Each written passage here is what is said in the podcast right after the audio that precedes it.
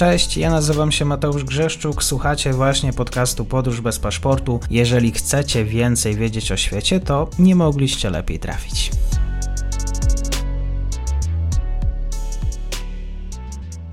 Partnerem odcinka jest Oanda, TMS Brokers, dom maklerski obecny na rynku już od ponad 20 lat. W opisie odcinka znajdziecie link do aplikacji, której możecie otworzyć konto maklerskie i grać na giełdzie, a wcześniej potrenować na koncie demonstracyjnym. Jeżeli otworzycie konto za pośrednictwem tego linku, dostaniecie na start książkę o tematyce inwestycyjnej. Zapraszam, Mateusz. Dzień dobry Państwu, dzień dobry wszystkim słuchaczom. Ze mną jest już po dłuższej przerwie pan Grzegorz Kuczyński, dziennikarz, ekspert do spraw wschodnich, portal i.pl, a przede wszystkim w ramach dzisiejszej rozmowy autor książki Wagnerowcy, psy wojny Putina. Dzień dobry panie Grzegorzu, bardzo mi miło. Witam, dzień dobry, dziękuję za zaproszenie. Cieszę się, że po tak długiej przerwie znowu możemy porozmawiać. Możemy porozmawiać, a jest bardzo dużo pretekstu do tego, żeby pretekstów do tego, żeby rozmawiać. Ja też tak myślę sobie, że doskonale się pan wstrzelił z, z premierą tej książki. To znaczy, to jest tak, że ja taki pomysł, żeby książkę o Wagnerowcach napisać, to ja miałem od roku, dwóch lat, nawet trzech, bo tak naprawdę obserwuję ich działalność właściwie od początku, czyli powiedzmy od jakiegoś tam 2014-15 roku, czyli kiedyś zaczęło być o nich głośno ze względu na, na udział w wojnie domowej w Syrii. No i faktycznie tutaj tak się udało, że szczerze powiedziawszy nawet nie oczekiwałem, nie spodziewałem się, że Wagnerowcy i Prigozhin staną się właściwie takimi największymi medialnymi gwiazdami, e, jeśli tak mogę powiedzieć, e, tej inwazji na Ukrainę, bo, bo przypomnę, że oni w, na początku tej kampanii byli jakby odsunięci na bok, oni w tym nie uczestniczyli dopiero po pierwszych problemach militarnych e, armii rosyjskiej po nich sięgnięto. No, tylko mogę powiedzieć tyle, że ja kończyłem książkę um, na początku września i tak się złożyło, że po oddaniu jej do druku y, po jakichś dwóch tygodniach Jewgeni Prigorzin wreszcie przyznał się tak publicznie, że to, e, że to jego tak naprawdę firma, ci Wagnerowcy. No, w książce, w książce akurat wątek ukraiński jest tylko jednym z wielu, nawet, nawet właściwie no, to jest, to jest mniejsza część tej książki, ale akurat tutaj moim celem nie było opisywanie udziału Wagnerowców i Prigozina w tej obecnej wojnie, prawda? Ale generalnie przedstawienie fenomenu tej. E, mówi się, że jest to prywatna spółka wojskowa. Czasem się snuje paralel z takimi klasycznymi zachodnimi, tak zwanymi PMC, czyli, czyli prywatnymi spółkami najmniejszymi w rodzaju Blackwater chociażby, a tymczasem to jest tak naprawdę zupełnie zupełnie inny twór. I zresztą w tej, w tej mojej książce no, próbuję to, to pokazać, dlaczego, czym się różnią Wagnerowcy od takich no, typowych e, spółek najemniczych. Ja zachęcam Państwa do tego, żeby książkę zakupić. Link będzie w opisie, więc e, naprawdę warto. Wracając jeszcze, żeby mieć też podstawy do, też do naszej rozmowy, 2014 rok, powołano te organizacje do życia. Jak organizować tego typu formacje, jak, jak Prigorzyn, który jeszcze wtedy rozumiem był w tle, z jakimi wyzwaniami, że tak powiem, administracyjnymi się zmierzył, e, bo zebrać takie siły, które pełniły rolę i militarnej, i szkoleniowej, zebrać tych ludzi, jak to mu się udało? Znaczy no, tutaj po pierwsze trzeba pamiętać o tym, że, że w ogóle e, zacząć od, od, od kwestii e, spółek najemniczych w Federacji Rosyjskiej, bo one są ciągle nielegalne. W świetle rosyjskiego prawa działalność najemnicza no, jest, jest nielegalna. Od wielu lat e, no, podejmowano próby legalizacji tego typu działalności. Natomiast no, ta odwieczna konfrontacja tak zwanych zielonych, czyli, czyli armii, czyli służb wojskowych z tak zwanymi powiedzmy niebieskimi, czyli ze służbami cywilnymi, no przede wszystkim FSB, no powodowała, że kolejne pomysły legalizacji tego typu spółek E, lądowały w koszu i tak naprawdę do dziś e, tej legalizacji nie ma. Można się zapytać, dlaczego w takim razie Wagnerowcy mogą sobie swobodnie działać. Zresztą nie tylko Wagnerowcy, bo ja też wspominam o innych spółkach najemniczych, które zaczęły działać dużo wcześniej. No po prostu rejestruje się taki podmiot w, poza granicami Rosji i omija się w ten sposób prawo. Oczywiście to powoduje, że państwo rosyjskie, służby rosyjskie mają duże możliwości wpływania na tego typu firmy i chociażby korpus, tak zwany korpus słowiański, który był poprzednikiem w pewnym sensie e, grupy Wagnera, no on został zwerbowany do służby w Syrii, pojechali do Syrii, dostali tam, e, tak powiem, mocny łomot już na samym początku tej misji. Jak niepysznie wrócili do Moskwy, a na lotnisku już czekała FSB, no i właściwie prawie wszystkich zgarnięto wtedy za właśnie no, złamanie prawa, za działalność najemniczą. Zresztą wśród nich był innymi e, Dmitrij Jutkin, pułkownik Dmitrij Jutkin, ten, czyli Wagner, od którego pseudonimu wzięła się nazwa e, tej firmy. Ale no, wracając do samych Wagnerowców, no, już pomysł, żeby jednak stworzyć taką formację, która będzie jednocześnie prywatna, będzie realizowała jakieś cele biznesowe swojego właściciela, a zarazem będzie realizowała cele polityki rosyjskiej, państwa rosyjskiego, czyli będzie wysyłana w takie miejsca i w celu i w takie misje, gdzie po prostu Moskwa nie może wysłać oficjalnie na przykład swojego wojska. On się pojawił już gdzieś około tam 2010 roku. Ostatecznie faktycznie 2014 rok i rebelia w Donbasie to był ten pierwszy chrzest bojowy Wagnerowców. Wtedy to jeszcze była garstka ludzi. Tak naprawdę można mówić o początku takiej e, działalności, o której możemy mówić do dziś, to, to, to jest dopiero Syria. Wysłanie Wagnerowców do Syrii, żeby tak naprawdę współdziałali z wojskiem. Należy pamiętać o tym, że generalnie no, grupy Wagnera by nie było bez współpracy z wojskiem, z regularnymi siłami zbrojnymi, bo to Armia zapewnia im logistykę, zapewniła im e, obiekty szkoleniowe. Armia dostarczała broni, dostarcza broni, uzbrojenia. Oni, to, to nie jest tak, że Prigozina stać na to, żeby ileś tysięcy swoich e, tych najemników e, uzbroić i wyposażyć. To, to, to jest absolutnie, to wszystko idzie z budżetu państwa rosyjskiego i co też pokazuje, że Grupa Wagnera jest taką hybrydą, to nie jest prywatna spółka, stricte, stricte prywatna spółka najemnicza, to, to, jest, to jest hybryda. Oni oczywiście no, korzystają ze wsparcia państwowego, no ale też jednocześnie e, e, tutaj e, Prigozin wykorzystuje ich we własnych celach biznesowych. Tutaj niedawno na przykład w przypadku bitwy o Soledar mówiło się o tych kopalniach soli, tak, że, że, że Prigozin może być zainteresowany pewnymi aktywami biznesowymi w tym rejonie, zresztą generalnie na tych ziemiach okupowanych teraz przez Rosję ale to, to nie jest nic nowego. Już w przypadku mm, operacji syryjskiej to wyglądało tak, że Wagner, e, przepraszam, Prigozin wysłał tam tych swoich najemników, płacił za nich,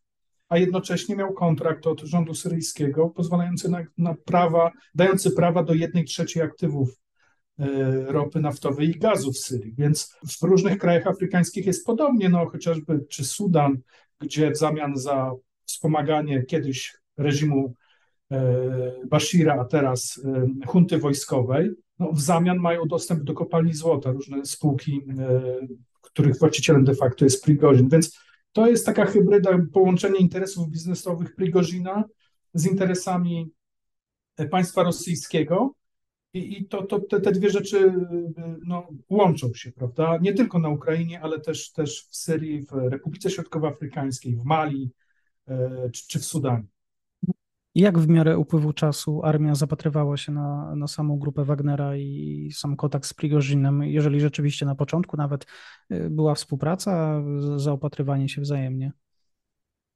Znaczy to było tak, że y, to takie trochę małżeństwo z rozsądku wymuszone przez Kreml y, zarówno na, na jak i na, jak i na Sergieju Szojgu, ministrze obrony.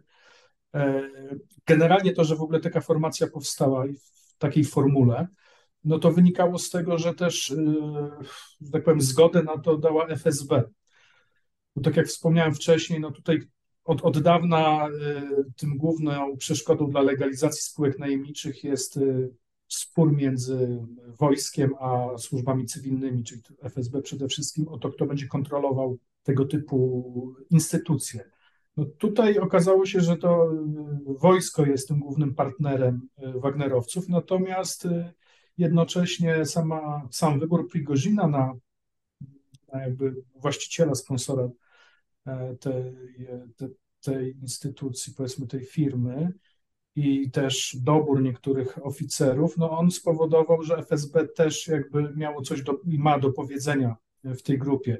No chociażby Dmitrij Jutkin, były oficer no, specnazu, ale jednocześnie facet, który zapewne został zwerbowany przez FSB, bo, bo jak wspomniałem, kiedy w 2013 roku po klęsce Korpusu Słowiańskiego oni wrócili do Moskwy, to czekała na, tam na nich FSB, wszystkim pozakładali teczki.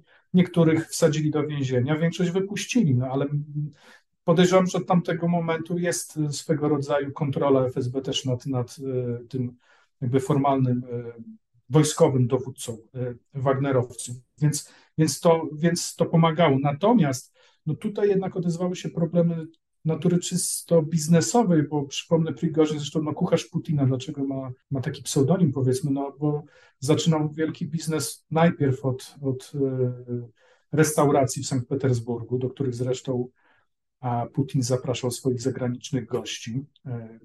Niedawno nawet przypomniano w internecie zdjęcie z, z wizyty George'a Busha, z obiadu w restauracji należącej do Prigorzyna, który gdzieś tam w tle, gdzieś tam w tle go widać. No a później był catering, czyli przede wszystkim zaopatrywanie jednostek wojskowych e, w, w żywność. No i od tego zaczął się, że tak powiem, konflikt, bo jakość e, tych usług dostarczanych przez firmy Prigorzyna była tak fatalna, że w pewnym momencie no, resort obrony postanowił zacząć zrywać kontrakty z, ze spółkami Prigorzyna. To trafiało do sądu i ostatecznie no, większość tych spraw okazało się, że Prigorzyn wygrał. To była taka próba sił, która pokazała wojskowym, że, że ma przychylność Putina i tutaj no, są zmuszeni do takiej symbiozy e, z Prigorzynem. Natomiast te, te, te spory o biznesowo, ten catering, te sprawy, sąd, sprawy sądowe, one wpłynęły na to, że resort obrony zaczął ograniczać pomoc dla, dla grupy Wagnera. Wtedy to akurat była kwestia kampanii syryjskiej. Nawet sami Wagnerowcy zwracali uwagę, że nagle zaczęli dostawać mało sprzętu, kiepskiej jakości, że generalnie podejście wojska się do nich zmieniło. Zresztą apogeum tego, tego była słynna rzeź Wagnerowców w Dolinie Eufratu E, w lutym 2018 roku, kiedy no, duża kolumna Wagnerowców maszerująca, żeby zająć jedno ze złóż naftowych, trafiła pod ogień Amerykanów i e, nie miała żadnej osłony ze strony wojska rosyjskiego. Amerykanie wtedy przez tą, przez tą swoją gorącą linię no, kontaktowali się z dowództwem rosyjskim w Syrii, pytali się o co chodzi. Rosjanie mówili, że oni nic o tym nie wiedzą, to nie są ich ludzie. No i tam doszło do, do, do, prawdziwej masakry tych, e, tych Wagnerowców.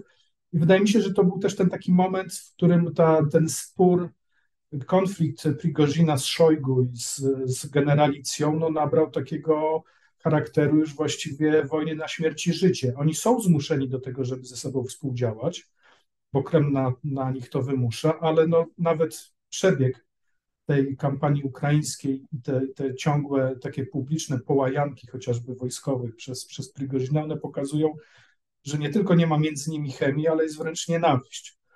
I moim zdaniem to będzie miało też wpływ na, na sam przebieg też kampanii wojskowej, e, dalszy, dalszy przebieg e, inwazji rosyjskiej na Ukrainie. Jak można oceniać e, też same kontakty Prigorzyna z, z Władimirem Putinem? Jak te relacje układały się w trakcie ostatnich lat? Czy to trzeba pamiętać, że Prigorzyn jest jednym z tych ludzi, których Władimir Putin bardzo dobrze zna jeszcze od lat 90., z czasów, kiedy był szarą eminencją władz miejskich w Petersburgu. To się też wiązało z różnego rodzaju działalnością biznesową. No, to od decyzji Władimira Putina zależał los wielu firm w Petersburgu na początku lat 90., od tego, czy mogły robić interesy, powiedzmy, z zagranicznymi partnerami i tak dalej, i tak dalej. No tu można by książki pisać o tej kryminalnej stronie, że tak powiem, e, tego okresu kariery Władimira Putina w Sankt Petersburgu. No i z tamtego okresu oczywiście dziś nawet jak spojrzymy na to, na elity państwa rosyjskiego, tego reżimu politycznej, e, biznesowej, w sferze struktur siłowych, to mamy tam no, naprawdę gigantyczny tak zwany desant z Petera, desant piterski, czyli, czyli, czyli ci ludzie, których Putin poznał wtedy w Sankt Petersburgu. E, I on wtedy też poznał wielu ludzi z takiego podziemnego świadka. No, Prigozin może akurat nie był jakąś szyką w tym świecie przestępczym, jak chociażby Roman Cepow, który już nie żyje, e, czy, czy Kumarin Welbarsukow, który siedzi w więzieniu, no on był, on był takim drobnym e, bandziorem, e, siedział za rozbój jeszcze w czasach sowieckich, e, no ale jednak trafił gdzieś tam pod skrzydła Władimira Putina i to dzięki Putinowi później robił karierę biznesową, a później, mam na myśli oczywiście ten catering, no a później został wybrany na osobę, która będzie odpowiedzialna za rozwój projektu pod nazwą Grupa Wagnera. No, mówiąc krótko, to nie jest tak, bo ja się spotykam z opiniami, że, że Prigorzyn może wręcz zagrozić Putinowi, że mógłby być jednym z kandydatów na jego następcę. Moim zdaniem nie można o niczym takim mówić. Prigorzyn jest takim wiernym żołnierzem Władimira Putina, podobnie zresztą jak Ramzan Kadyrow. To nie jest przypadek, że obaj ostatnio tak jakby jednym głosem niemalże się wypowiadają w pewnych sprawach.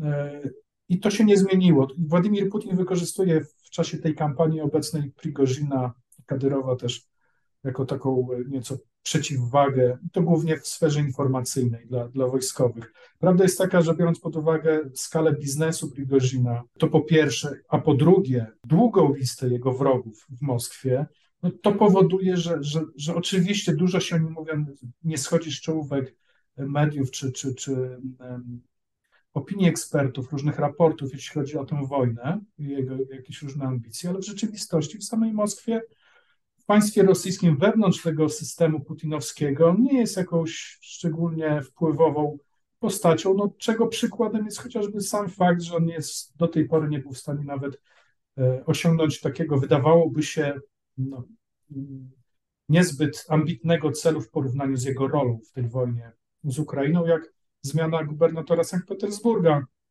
To jest w konflikcie z Biegłowem, tu to są oczywiście kwestie biznesowe gdzieś tam w tle. I tego Biegłowa nie może się pozbyć. Biegłow ma z kolei protekcję wiceszefa administracji kremlowskiej Siergieja Kirijenki, który jest jednym z tych głównych przeciwników w tej chwili Prigozina, podobnie zresztą jak Jurij Kowalczuk, no, główna postać Banku Rosja, jeden z takich, no to jest taki absolutnie wewnętrzny krąg przyjaciół e, współpracowników Putina. Więc, więc to ja nie przesadzał z, z wpływami Prigozina jest o nim głośno. Trzeba przyznać, że PR-owo dobrze to rozgrywa. Sam fakt, nawet zacznę od samej nazwy Grupa Wagnera i to przy, przy, przy, taka łatka, że to jacyś ludzie kierujący się neonazistowskimi wręcz poglądami, no to wszystko się fajnie sprzedaje, tak samo jak, jak te różne takie medialne, PR-owe zagrywki z tymi młotami, prawda? E, jest, Prigorzyn, trzeba przyznać, jest bardzo sprawny PR-owo, od momentu zwłaszcza, kiedy przyznał się, że jest właścicielem grupy Wagnera, przypomnę, to był koniec września, akurat tak mniej więcej 2-3 tygodnie po tym, jak ja książkę oddałem do druku, więc jeszcze tego nie uwzględniłem w tej książce, bo to dużo zmieniło. Wcześniej, przez lata, on odrzucał wszelkie twierdzenia, że ma cokolwiek wspólnego z Wagnerowcami, a dziennikarze, którzy badali te powiązania, no, albo wypadali z balkonów, albo ginęli w buszu afrykańskim, jak trzech dziennikarzy, którzy pojechali do Republiki Środkowoafrykańskiej kilka lat temu kręcić film o Wagnerowcach w tym kraju, no albo mieli sprawy sądowe. Teraz to się zmieniło, ale no, powtórzę, nie, nie powinniśmy przesadzać z podkreślaniem jakichś wpływów i pozycji Jewgenija Prigozina wewnątrz putinowskiego systemu. Mhm. Dzisiaj, jeżeli chodzi o samą walkę na szczytach władzy i te roszady na Kremlu, jak to rozumieć, panie redaktorze? Znaczy, no, to ja przypomnę, jeszcze kilka miesięcy temu wydawało się, że, to, że Prigozin bierze górę nad Gerasimowem, nad Szojgu, nad generałami. No, były różnego rodzaju dymisje.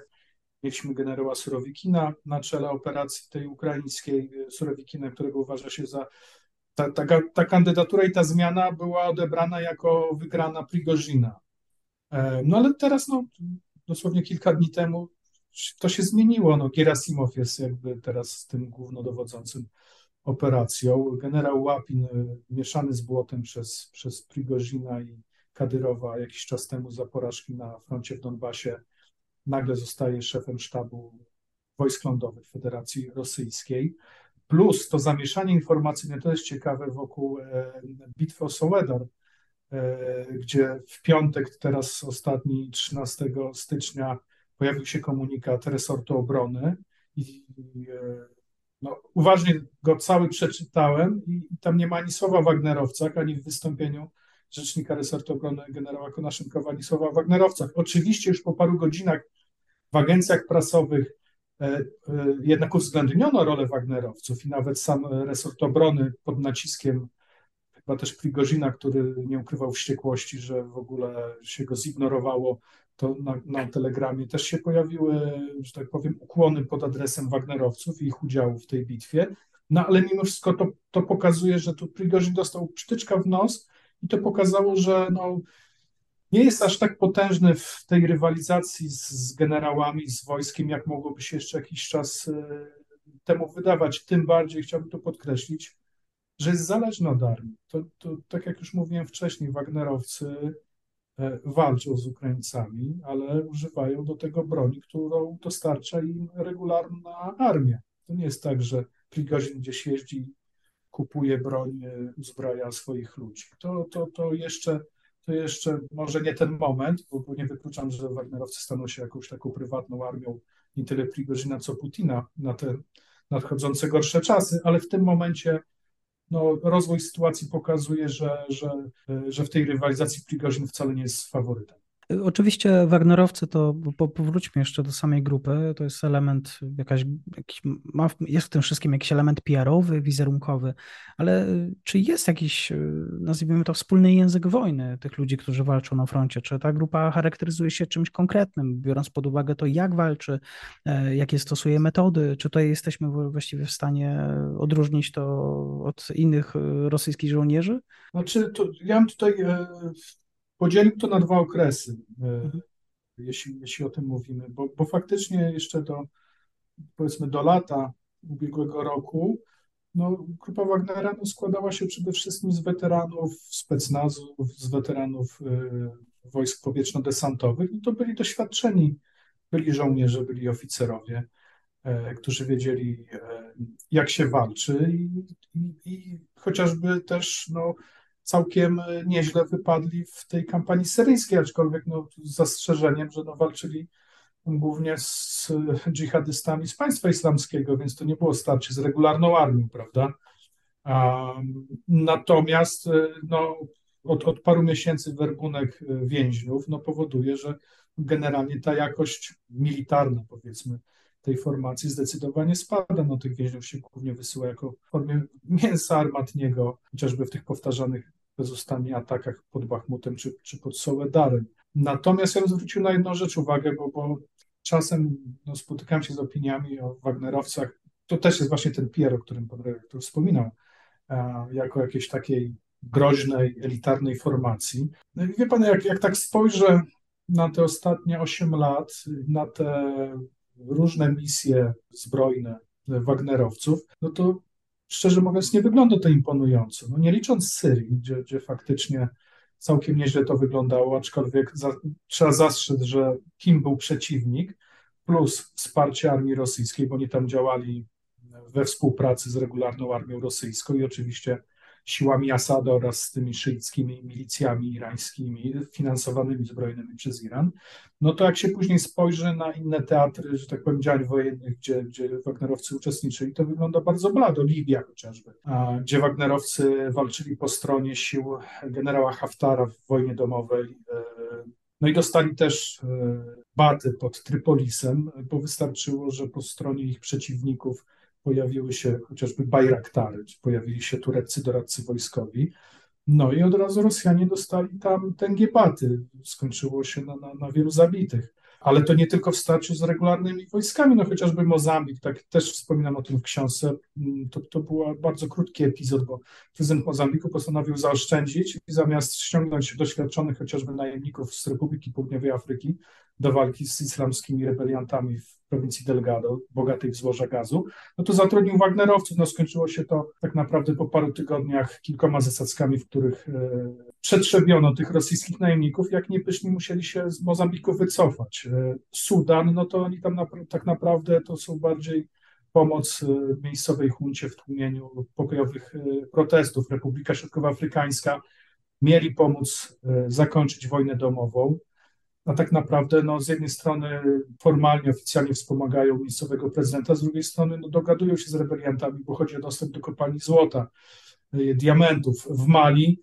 gdzie mieli być panaceum na dżihadystów. Zastąpili y, Francuzów na, na prośbę hunty wojskowej w Mali. No, okazuje się, że, że też sobie z tym zupełnie nie radzą. Zresztą niedawno y, też, czy, czy, Waszyngton, czy Paryż też zwracają na to uwagę, że jeśli można mówić o tej aktywności Wagnerowców w krajach afrykańskich, to więcej jest doniesień o zbrodniach, gwałtach, yy, rzeziach ludności cywilnej niż o jakichś militarnych sukcesach, więc no, generalnie moim zdaniem ta wartość bojowa, oczywiście są tam pododdziały, coraz mniej liczne, bo też, e, też się wykrwawiły w tej wojnie z Ukraińcami, naprawdę doświadczonych, dobrych e, żołnierzy, weteranów, dobrze uzbrojeni, dobrze wyszkoleni, ale to jest tak naprawdę w skali całej formacji to, to, to, to nie jest dużo, więc generalnie jakbym miał oceniać w pełnej skali no, potencjał, jakość e, wojskową Wagnerowców, to ona jest w tej chwili nawet no, dużo niższa niż to było na początku wojny.